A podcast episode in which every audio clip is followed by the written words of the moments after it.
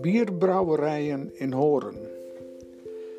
Bier was in de middeleeuwen en de Gouden Eeuw van Horen een belangrijk exportartikel. Geen wonder dat de toenmalige Horense regenten belangen hadden in de Horense bierbrouwerijen, want er was een goede stuiver mee te verdienen.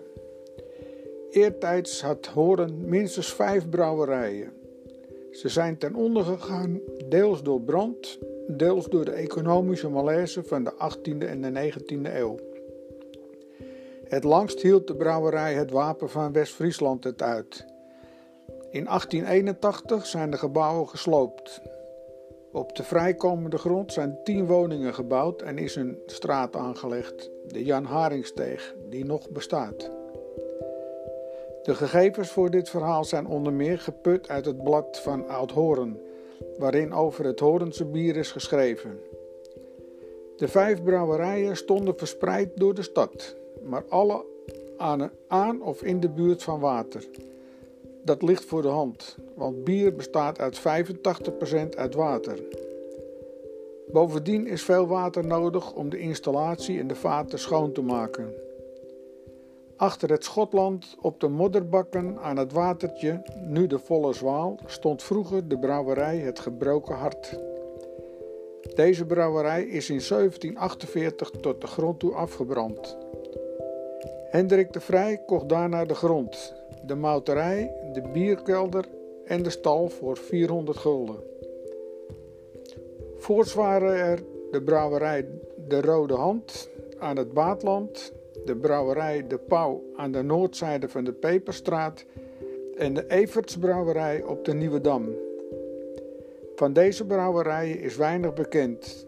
In de archieven is alleen te vinden dat er meerdere eigenaren waren. Allemaal regenten die aandelen in deze brouwerij hadden. De Hoornse vroedschap hechtte er veel waarde aan dat Hoorn brouwerijen had, die kwaliteitsbier maakten. In 1525 konden de burgers van Horen een verzoek aan, de aan het vroedschap richten om een brouwerij te stichten. Ze kregen dan van de stad een lening van 100 gulden, die zij niet behoefden terug te betalen zolang de brouwerij bleef bestaan.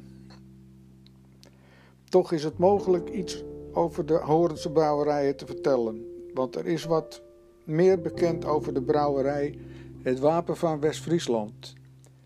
De brouwerij heeft niet alleen het langst bestaan, maar heeft altijd maar één aandeelhouder gehad en dat was bijzonder.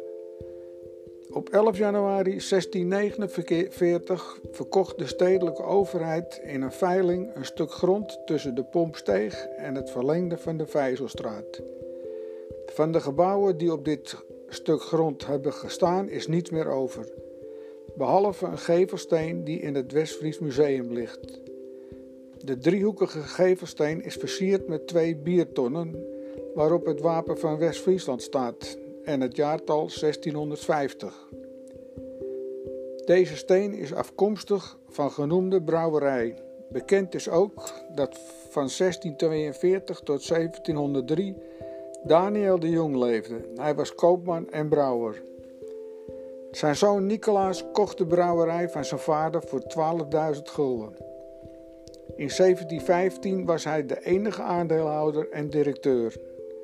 En bij zijn dood in 1723 zette zijn dochter Aafje het bedrijf voort. Zij deed dat met Hendrik de Jong, die in 1770 aan Jacob van der Wolf driekwart van de brouwerij verkocht.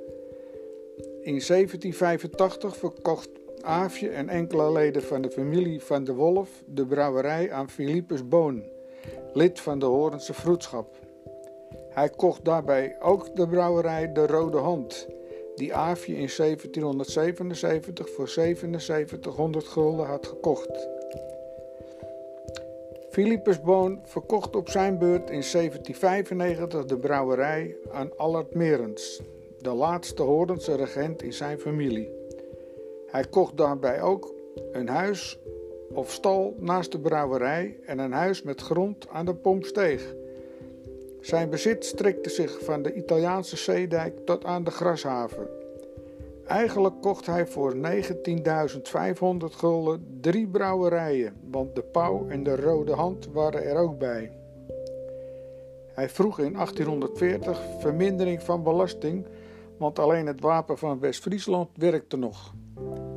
De pakhuizen op het Baatland waren rijp voor de sloop. En in 1799 kocht Allard Merens nog het huis van Boon, naast de brouwerij, en ging daarin wonen. Zijn oudste dochter Cornelia Merens nam in 1851 na zijn overlijden de, de brouwerij over. Maar de zaken gingen zo achteruit dat het bezit in 1881 na de dood van Cornelia voor de sloop is verkocht.